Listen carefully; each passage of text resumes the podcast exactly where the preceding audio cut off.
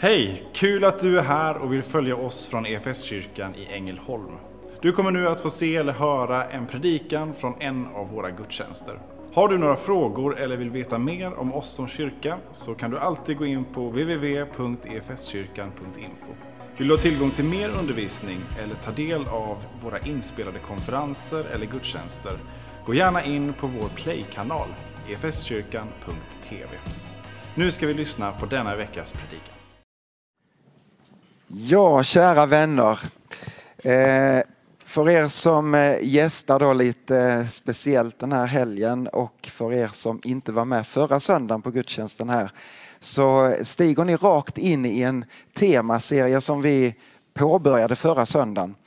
Lite grann utifrån reflektionen vilken tid vi lever i.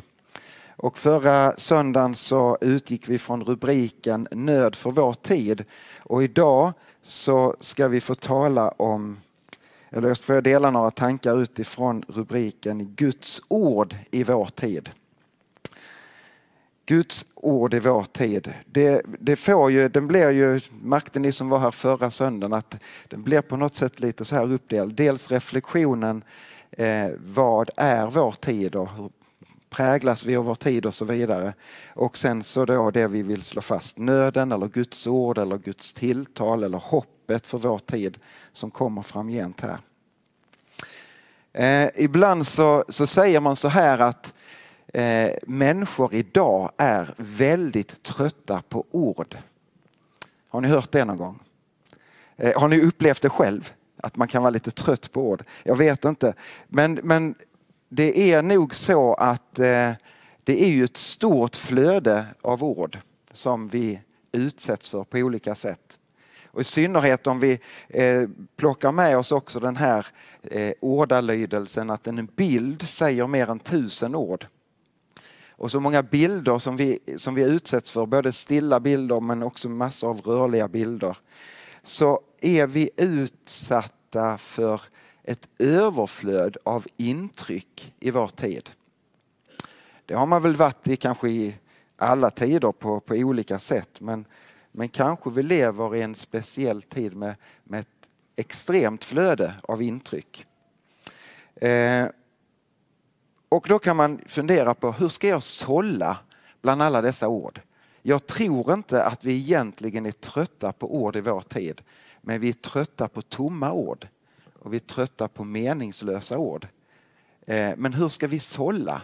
Vilka ord är viktiga för oss att ta till oss? Vilka influenser är viktiga att ta till, ta till oss? Detta tillsammans med kanske då insikten att, och vetskapen att det är en väldig makt i ord. Eh, vi, vi kan lätt påverkas och vi kan lätt påverka varandra just genom ord. Och så lever vi i en tid där, eh, ja, jag vet inte om du har hört det här begreppet men det tror jag du har gjort. Ah, it's only fake news.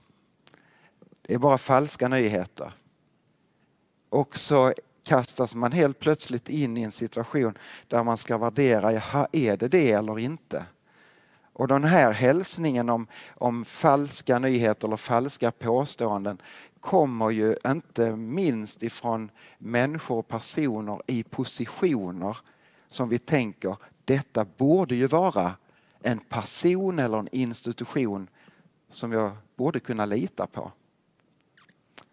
Och så är det kanske också ibland ifrån de alltså talarstolarna eller från de rösterna som som det faktiskt blandas rätt så friskt mellan sanningar och lögner. Och tyvärr ibland också rena lögner som försöker spridas.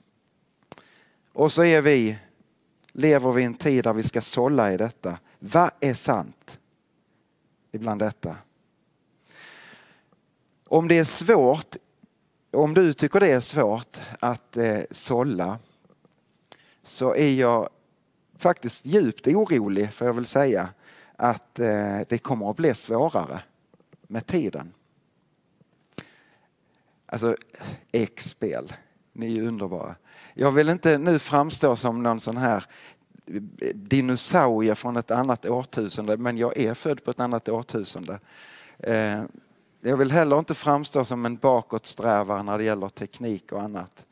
Men det är ändå någonting i mig som slår an en ton av faktiskt djup oro när jag ser hur tekniken går fram och vad, vad den kan användas till på ett negativt sätt. Eh, jag vet inte om du såg i Rapport, eh, nu gör jag inte heller någon värdering om du tittar på Rapport Aktuellt eller några andra nyheter, men jag hoppas ändå att du följer nyheter i lagom mått. Eh, men i alla fall så, så hamnar jag i en sändning på Rapport, jag tror det var denna veckan eller förra veckan, eh, där man pratade, det har ju varit mycket prat om AI den senaste tiden, artificiell intelligens. Ja, det var några vi tappade direkt där. Vad är det för någonting? Ja. Eh, det kommer du att upptäcka så småningom.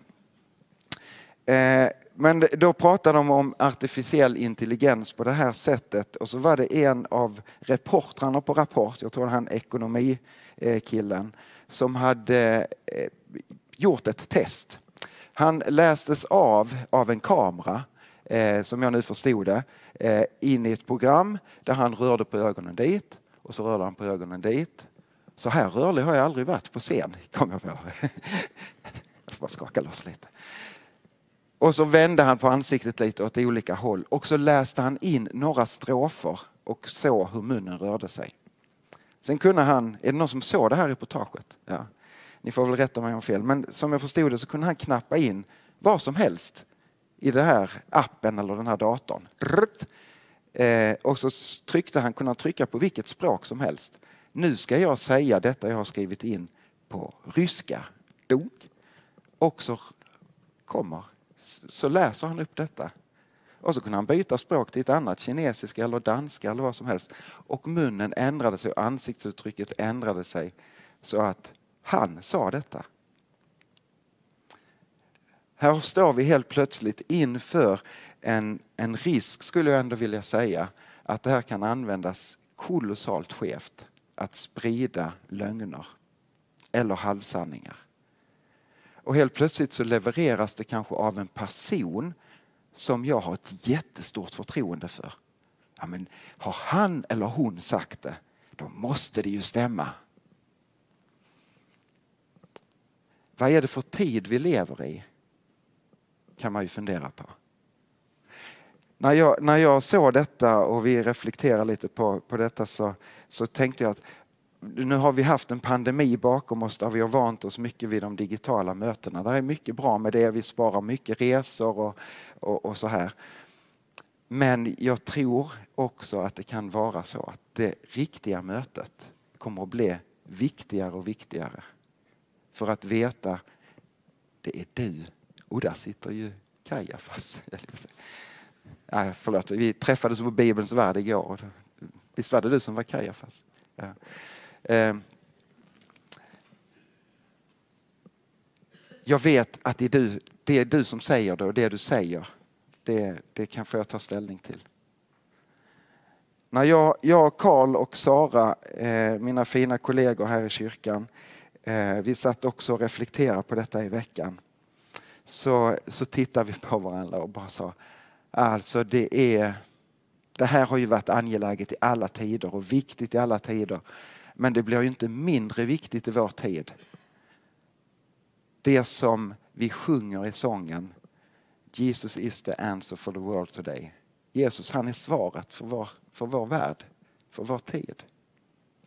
Att förhålla sig till honom, att förhålla sig till till han som inte bara förmedlar sanningen utan som är sanningen. Om vi tänker att det är makt i vilka ord som helst och att det kan påverka så skulle jag ändå vilja säga att där är en kolossal kraft i Guds ord. I Guds tilltal, i Guds hälsning och vem Gud är. Ordet jag minns bara nu helt plötsligt att jag hade mina, jag hade ett par slalomskidor eh, när jag på 80-talet. Eh, där det stod, jag hade två stycken sådana klistermärken som man kunde ha. Det stod på svenska, Guds ord är kraft. Och sen så stod det på engelska, Guds ord is power. Men jag tänkte alltid, det står väl ändå Guds ord is powder. Men, men det gjorde det inte, utan det var, det var Guds ord i kraft. Ordet är ett oerhört centralt begrepp i frälsningshistorien och i hela, hela Guds uppenbarelse. Ordet är ett väldigt, väldigt centralt begrepp. Men då ska vi också förstå ordet utifrån ett hebreiskt begrepp som används som det vanligaste begreppet i, i Gamla testamentet, nämligen dabar.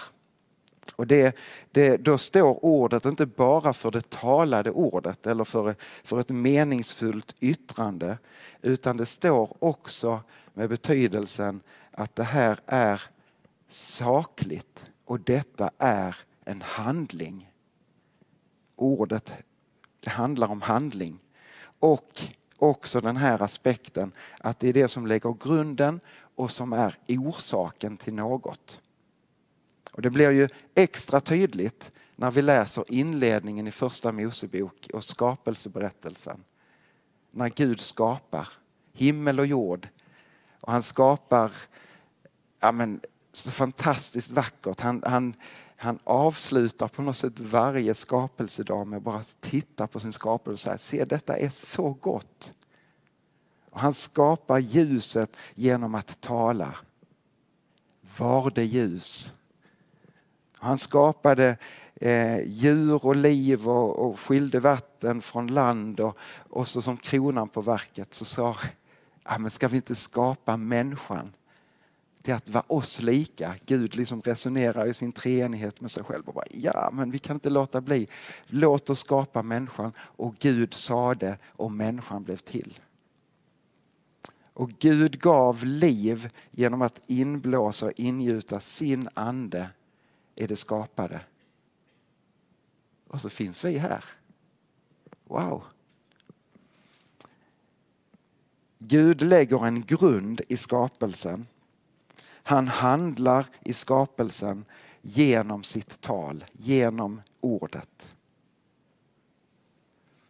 När Johannes, evangelisten Johannes, han eh, ska få börja skriva sitt evangelium. Då tänker han nu så, och nu ska jag sätta, nu ska jag sätta ord till att beskriva det viktigaste jag har varit med om fått leva med Jesus, fått se tecken och under. Oh, hur, ska jag, hur ska jag börja?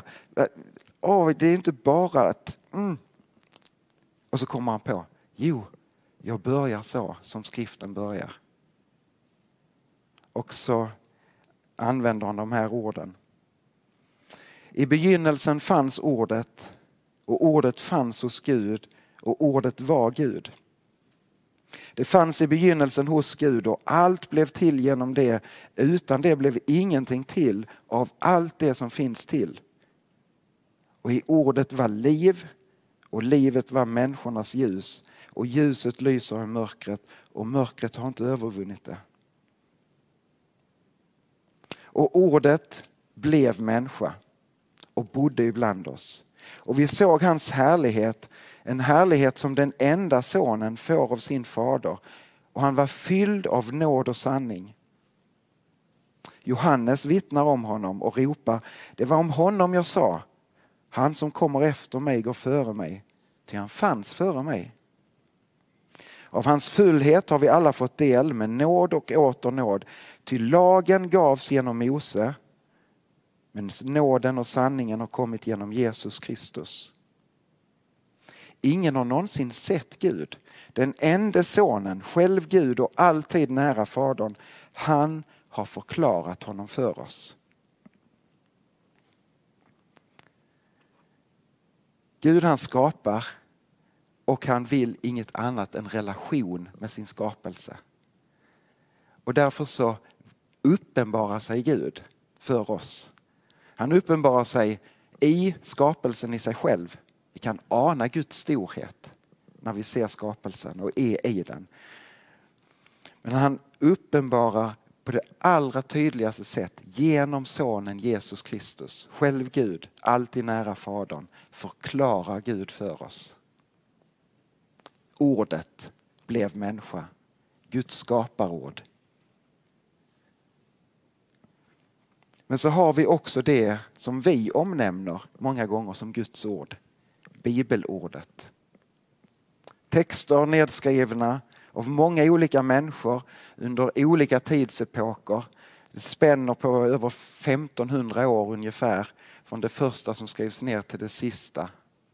Samlade skrifter använda och accepterade av kyrkan och sammanställda i olika genrer och, och, och så, så säger de men detta är ändå ett Guds tilltal. Detta får vi se som Guds ord. För det är inte bara människor som har suttit och hittat på utan precis som Paulus han säger i eh, andra Timoteusbrevet 3 och 16. Varje bok i skriften är inspirerad av Gud och till nytta när man undervisar, vederlägger, vägleder och fostrar till ett rättfärdigt liv. Guds ord, inspirerat av Gud, skrivet av människohand men ändå en hälsning där vi kan få lära känna Gud och vi kan få lära känna också oss själva i förhållande till honom. Alltså, det är roligt, man skulle, ni skulle kunna göra det har jag sagt förr, men man kan göra nästan ett, ett studium och bara leta upp alla tre 16 ställen som finns i, i, i Bibeln. Alltså, det är inte alla brev så, och, som har så många kapitel. Och det satt ju inte de och skrev. Paulus kom ju inte på att ja, men nu skriver jag här i 3 och 16. Utan det är ju ett sätt för oss att hitta i bibelordet. Men, men det är roligt, Petrus han, han gensvarar med ett 3.16-ord när man slår upp. Andra Petrusbrevet 3.16 blir en liten bara en parentes. Eh, där han säger att Paulus som skriver en massa brev som används i kyrkorna runt om. Så talar han om det eviga livet, Jesu död och uppståndelse och att Jesus ska komma tillbaka och ställa allting till rätta i tidens slut. Och så säger han så här. Detta gör Paulus, det gör han i alla sina brev när han talar om dessa ting, skriver Petrus. Där finns somligt som är svårt att förstå. Och detta liksom vad som står i de övriga, övriga skrifterna förvränger okunniga och obefästa människor till sitt eget fördärv. Jag tycker ändå det är en viss tröst i att till och med Petrus, han säger, alltså där är vissa grejer som är svåra att förstå. Har du någon gång tyckt det när du har läst i din bibel? Mm. Vi är i gott sällskap med varandra och med Petrus. Men jag vilar i detta att vi kan förstå tillräckligt mycket för att förstå Guds vilja och längtan och Guds kärlek över ditt liv och över den här världen. Och det som jag inte förstår, det kan jag få läsa ändå och bara få låta det tala in i mitt liv på, ja, på ett mirakulöst sätt. Hebreerbrevet 4 och 12 så står det så här. Ty Guds ord är levande och verksamt det är skarpare än något tveeggat svärd och det tränger så djupt och det skiljer själ och ande, led och märg och blottlägger hjärtats uppsåt och tankar. Guds ord är levande och det är verksamt. Det är en väldig skillnad att bara slå upp vilken bok som helst och läsa den än att slå upp bibelordet och kanske med bönen Herre kom med din heliga ande och ge liv åt det här ordet. Då tror jag att även de svåra passagerna kan jag bara få utsätta mig själv för. Läs dem och låt det verka. Och jag vet inte om du har varit med om detta att du kan ha läst ett, ett bibelställe hur många gånger som helst och det kanske har talat till dig in i en speciell situation och så läser du det långt senare och så talar det på nytt till dig. Eller att ett ord kan tala till mig och kan tala någonting annat till någon annan. När jag tänker att, att det skiljer led och märg, själ och ande Hur, skil, hur skiljer man liksom led och märg åt? Jag vet inte. Men det säger att det här är en sån precision i Guds ord. Så att med Guds andes hjälp så kan det verkligen få ta tag i mig på insidan. Så mitt råd till dig och till mig det är att låt dig utsättas för Guds ord. Låt dig utsättas för Guds ord. Detta är ju ett sådant tillfälle där vi tillsammans får, får reflektera på bibelordet. Men vi kan få hugga tag i det på så många olika sätt. Men grip om ordet och låt dig gripas av ordet. Sträck dig efter ordet och låt dig gripas av Jesus. Paulus han beskriver sitt eget liv som sådant att allt det jag förr räknade som en vinning i mitt liv, det lägger jag bakom mig och jag sträcker mig bara efter att få lära känna Kristus och lära känna kraften i hans uppståndelse. Alltså, tro inte att jag redan har fått det i mitt grepp, men Jesus har fått mig i sitt grepp. Och så lever vi i den där riktningen. Jag bara tänker, jag vill sträcka mig, jag vill gripa om ditt ord och låta mig gripas av ditt ord. För vet ni vad det Guds ord gör? Jo, det verkar. Profeten Jesaja får ta emot denna hälsningen ifrån Herren. Eh, och detta är rätt så fascinerande. Jag vet inte om ni, när ni gick i skolan, vilken klass man nu gick i, när man pratade om vattnets kretslopp. Om ni någon gång har ritat det där berget och slätten och sen så den lilla sjön och sen så vattnet som förångades upp när solen lyser på och sen så kommer det ett moln upp över bergen och så regnar det på bergen och så rinner Är det någon som har ritat den bilden? Ja. Vet ni vad? Detta beskrivs redan här i Jesaja 55 och 10. När jag läser det så får jag upp min gamla bild från, från lågstadiet. Liksom regn och snö faller från himlen och inte vänder tillbaka dit utan vattnar jorden så får, och får den att grönska och bära frukt och ger säd att så och bröd att äta. Så är det med ordet som kommer från min mun. Det vänder inte fruktlöst tillbaka utan gör det som jag vill och utför mitt uppdrag. Guds ord ska aldrig vända fåfängt tillbaka utan det som Gud vill genom sitt ord, det låter han ske. Tänk det är en absolut tydlig profetia om ordet som, som Johannes beskriver, Jesus Kristus. Han kom och han levde, han fick ge sitt liv, han fick uppstå igen, fick verka fullt ut det som Gud ville för att vi skulle få räddas. Men kan jag få ta till mig det här profetordet också när det gäller Guds ord? Det ska inte vända fåfängt tillbaka utan det ska få göra någonting med ditt hjärta och med ditt liv. Så utsätt dig för Guds ord. Låt dig gripas av honom. För den här tiden och den tiden vi har framför oss. Hur långt det än må vara till han kommer tillbaka i härlighet och vi får flytta hem på ett rätt sätt. Så kommer det att vara angeläget att hans ord får förkunnas. Det är angeläget att kyrkan fortsätter frimodigt bekänna sig till honom. Han som är det levande ordet. Jag skulle säga att det är nödvändigt för den här världen.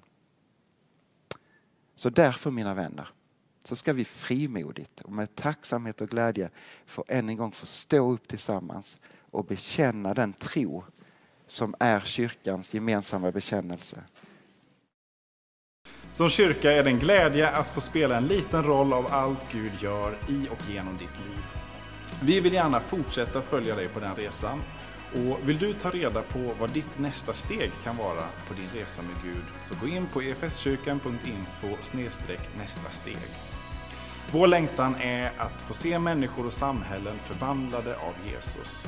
genom en kyrka som återspeglar Guds hjärta, bär varandra och betjänar människor varhelst vi befinner oss varje dag.